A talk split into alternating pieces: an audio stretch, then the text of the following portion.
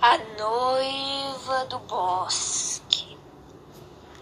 Conta-se que no bosque Tancredo Neves, aos fundos da escola São Mateus, aparições de uma mulher vestida de noiva. Uma mulher de branco.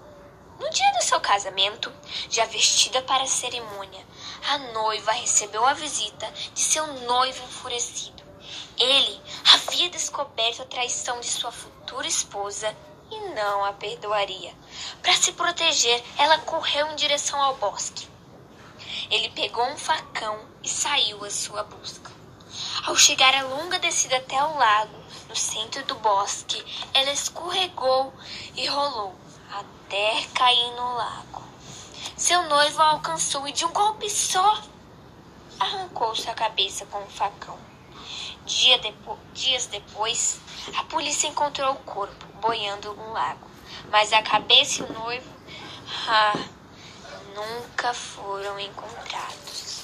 Dizem que ele escondeu a cabeça dela no buraco de uma árvore, mas às vezes, a qualquer horário do dia, ela é vista procurando a sua cabeça à beira do lago.